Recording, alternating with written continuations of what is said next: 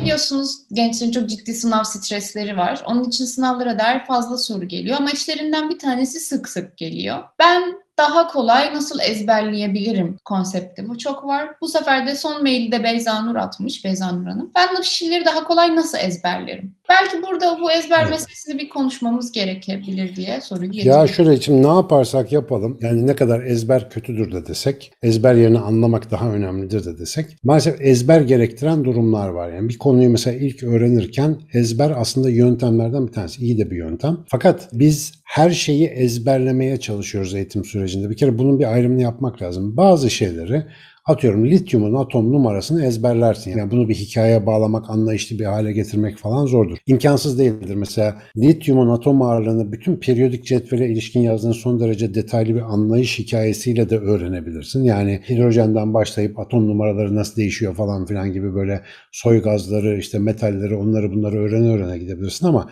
her zaman bu, hani uygulanabilir bir yol değil. Bazı şeyleri ayrı ayrı ezberlemek lazım. Öncelikle kesinlikle ezberlenmesi gereken şeylerle ezberlemek yerine anlaşılırsa daha iyi olabilecek şeyleri güzelce bir ayırt etmek lazım. Genellikle derslerimizde bu bazen mesleki hayatımızda da oluyor.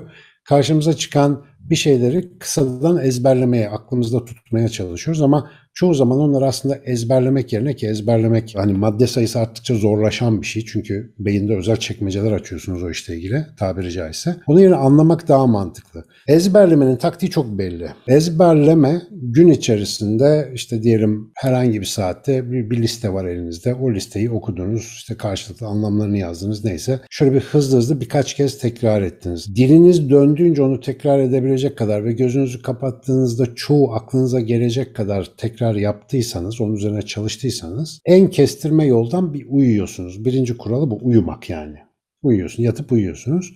Uyurken beyniniz en son ezberlemeye çalıştığınız, en son uğraştığınız şeylerin provasını yapacağı için ve günlük olarak öğrendiğimiz bellek bileşenlerinin yani hatıra bileşenlerinin pekiştirilme ya da konsolidasyon dediğimiz süreçleri ağırlıklı olarak uykuda yapıldığı için öğrendikten sonra özellikle ezberlik bir şeyleri öğrenmeye çalıştıktan sonra uyumak çok iyi bir fikir. Uyudunuz uyandınız. 24 saat içerisinde o ezberlenecek liste ya da şeyleri tekrar bir tur aynen bir gün önce yaptığınız gibi gözden geçirmek gerekiyor. Çünkü bizim beynimizin kısa süreli hafızasında ve orta dönem hafızasında tutulan bu bilgiler eğer yeniden alınmazsa, yeniden uyarılmazsa o devreler yavaş yavaş sönümlenip gidiyor. 24 saat sonra yapılan bu tekrardan sonra ondan sonraki 3 ya da 5 gün içerisinde yapılacak bir tekrar daha ve 10 gün içerisinde yapılacak bir tekrar daha o meseleyi ezberlemenizi sağlar. Ama böyle elinizde her biri 20'şer maddeden oluşan 30 tane liste varsa böyle ezberlemek çok akıllıca değil. Kilise eğitim kurumlarında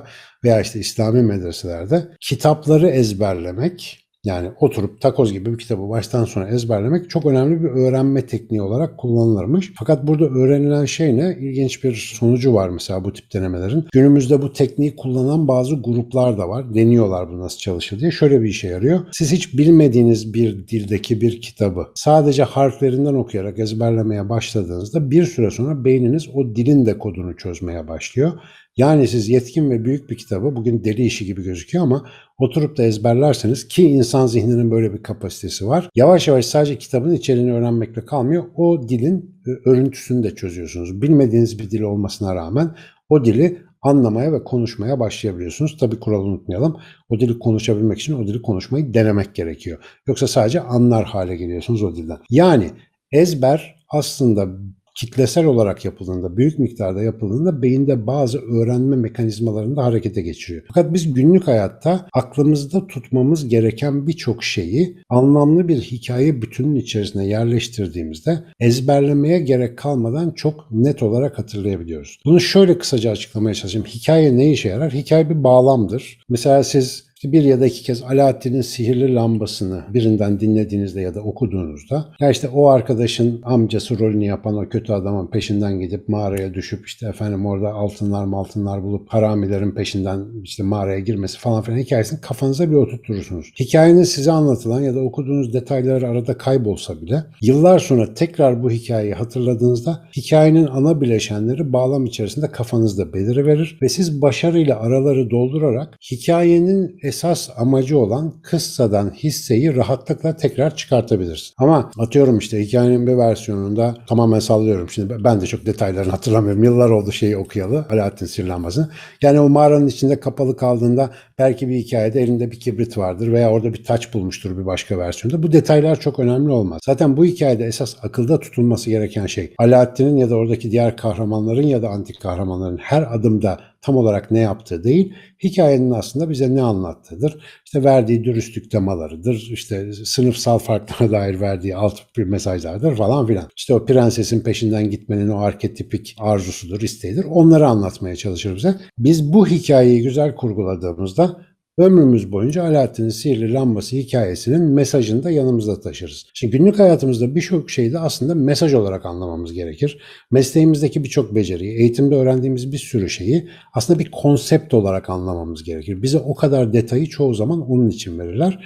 Biz bu bütün detayları böyle bir resim içerisine yerleştirecek bir çalışma yapabilirsek o zaman bunları aklımızda daha kolay tutabiliriz ve ezberlemeye gerek kalmaz. Örnek, zihin haritaları dediğimiz yöntemler var biliyorsunuz. Mind mapping diyorlar İngilizce. Bu çok başarılı bir not tutma yöntemidir. Bir aralar ben bunu çok yoğun olarak da anlatıyordum bu pandemi öncesi eğitim dönemlerinde falan. İnternetten çok videolarını bulabilirsiniz. Yani böyle anlatımları var nasıl yapacağınıza dair. Mesela diyelim Sinan Canan'ın beyin dersine geldin. Bir ortaya bir yuvarlak çiziyorsun Sinan Canan beyin dersi. Sonra dinlerken mesela not almak için bunu kullandığında Sinan Canan'ın anlattığından sana ilginç gelen her şeyi böyle ana o nottan ya da düğümden böyle bağlantılar çıkararak mesela birer kelimeyle mümkünse ya da bir iki kelimeyle not alıyorsun. Sonra ona bağlı diğer konseptleri çıkara çıkara yazıyorsun. Daha da güzeli daha sonra bu notları elden geçirirken, onlara çalışırken o notlara resimler ilave ediyorsun. Çıkartmalar yapıştırıyorsun, renkli kalemler kullanıyorsun. Bunların hepsi senin meseleyi zihninde bir resim halinde çizmeni kolaylaştırıyor. Mesela ben açık beyinle ilgili, işte bu programlarımızla ilgili planlar yaparken bu zihin haritalama tekniğini çok fazla kullanıyorum. Öyle çok kitabi bir şey değil yani. Elinize nasıl gelirse öyle yapabilirsiniz. Kimisi ortadan dallar çıkarıyor. Kimisi yandan yandan böyle işte sayfanın solundan sağına doğru akan bir ağaç gibi yapıyor. Nasıl kolayınıza gelirse. Burada amaç ne? Yaptığınız o şemayla biçimsel beyin korteksleriniz yani görsel beyin korteks bölgelerinizi uyararak o bilgiyi farklı bağlantılarla kaydediyorsunuz ve daha geniş bir bağlam yaratıyorsunuz aslında zihninizde. Böyle yaparak da bilgiyi hatırlanabilir bir bağlam içine oturtmuş oluyorsunuz. O yapıştırdığınız resimler, renkler de sağ beyninizi uyarıyor mesela. Çünkü ezberleme ağırlıklı olarak hani literal bilgiyi akılda tutma biraz sol beyin devreleriyle ilgili. Sağ beyin onun yardımına daha sanatsal, daha bütünleyici, daha süsleyici özellikleriyle girdiğinde siz meseleyi daha çetrefilli hatırlayabiliyorsunuz. Bunun dışında bir de hadi ev ödevi olsun bizi izleyen arkadaşlar Cornell not alma sistemi diye bir şey var. İnternetten bakarlarsa onu da çok beğeniyorum. Bir sayfayı böyle üstten, alttan ve soldan üçe bölüyorsunuz. Sonra işte özellikle dinlerken not almak üzere çok verimli bir teknik. Galiba Cornell Üniversitesi'nde icat edildiği için herhalde öyle demişler. Ana notlarınızı gövdeye alıyorsunuz. Sol tarafa anahtar noktaları yazıyorsunuz mesela. En dibine akşam özetini yazıyorsunuz falan filan gibi. Böyle güzel kullanım olan teknikler var. Bu tekniklerin hepsi neye yarıyor? Aldığımız bilgiyi kafamızda sadeleştirip bizim hatırlayabileceğimiz bir bağlama yerleştirmekte çok güzel işe yarıyor. Onun dışında arkadaşlar ezber fazla olduğunda hamallıktır. Bize hiçbir faydası yoktur. Ben şimdi mesela milyon tane ezber şey hatırlıyorum ve çoğu hayatımda hiç kullanılmıyor. Tamam kafada bir yer işgal etmiyor ama o gün onları ezberlemek için harcadığım vakit şu anda bayağı bir üzülmeme sebep oluyor. Onun yerine keşke başka şeyleri anlamak için vakit harcasaymışım. Eğitimde ezberlenecek şeyler için bu basit taktiği kullanın ama ezberlenmesi gerekmeyen şeyler için de Onları şöyle bir hikaye oturtma çalışması yapın. Son mesaj. Bu çalışmayı güzel yaparsa özellikle genç arkadaşlarım ileride kafalarındaki derdi anlatmak, bir fikri açıklamak konusunda büyük yetenekler kazanacaklar. Yani zihinlerinde ayrı ayrık duran düşünceleri bütüncül bir bağlam haline getirip konuşabilmek daha kolay olacak. Ee, Ha bak ben bunu hiç aklıma gelmedi. Bana soruyorlar nasıl böyle konuşuyorsun diye. Muhtemelen zamanında bu işe çok çalıştığım için. Değişik değişik o zaman tabii mind map diye adını bilmiyordum ama böyle şeylerle çok uğraşıyordum. Galiba bu da zihni organize etmeye yardımcı oluyor olabilir. Bak yeni bir şey açıldı şu anda. Bunun üzerine ben bir düşüneyim Azalcığım.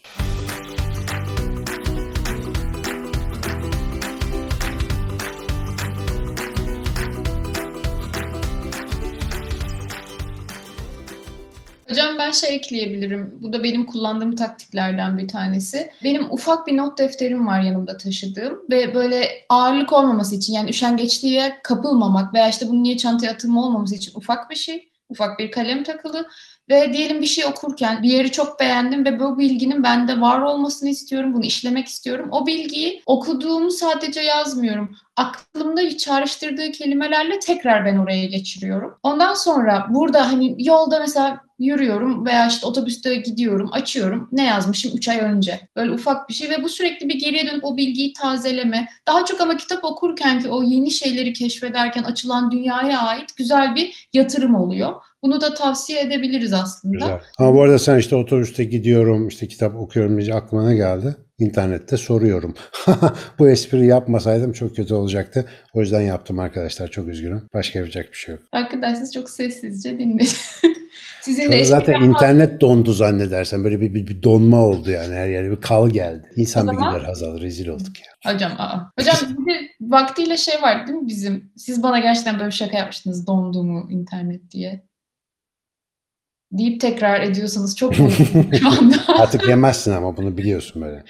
O genellikle şu falan kalma şeklinde oluyordu. Geçen ama bir toplantıda gerçekten bunu çok abarttım yani. Ben genellikle Jim Carrey tarzı şaka yapamam. Yani Jim Carrey böyle çok uzatır ya şakaları. 20 saniye 25 saniye falan böyle kaldım. Yani gerçekten insanlar panik oluyorlar. Çünkü şey değil yani hiç kesilmiş gibi de durmuyor ama kesilmiş gibi de duruyor falan o işte o tam kuantum durumu. Ya o şey var ya. Ha bak onu anlatmadık mesela. Bir ara onu not al. O soru gelmedi o konuda ama gelmez zaten. Bu enteresan. Mesela hani kötü bir haber verdiği zaman birisi şaka yapıyorsun de- deriz ya biz. Hadi canım şaka yapıyorsun ya da inanılmaz bir şey duyduğumuzda. Tam o an ne biliyor musun işte? Şaka yapıyorsun. Yani bu gerçek olmamalı ama gerçek de olabilir. O tam bir belirsizlik kuantum durumu. Böyle bir dikkat et onu söyleyen insan beklenti takılı. Şaka yapıyorsun. Karşıdaki vallaha gerçek diyorum hakikaten mi diye hemen bir ya o tarafa ya da bu tarafa gerçeklik belli olunca bir rahatlama ya da ne bileyim sökülme geliyor. Ama o belirsizlik halini ben çok seviyorum. Onun bir muhabbetini Anladım. yapalım. Şaka mı yapıyorsun? Bak unutma bunu tamam mı? Şaka mı Orada yapıyorsun? var bir muhabbet. Şaka teorisi diyor bizim Hümanur ona. Hatta Hümanur'u çağırırız o gün o bölümde belki de.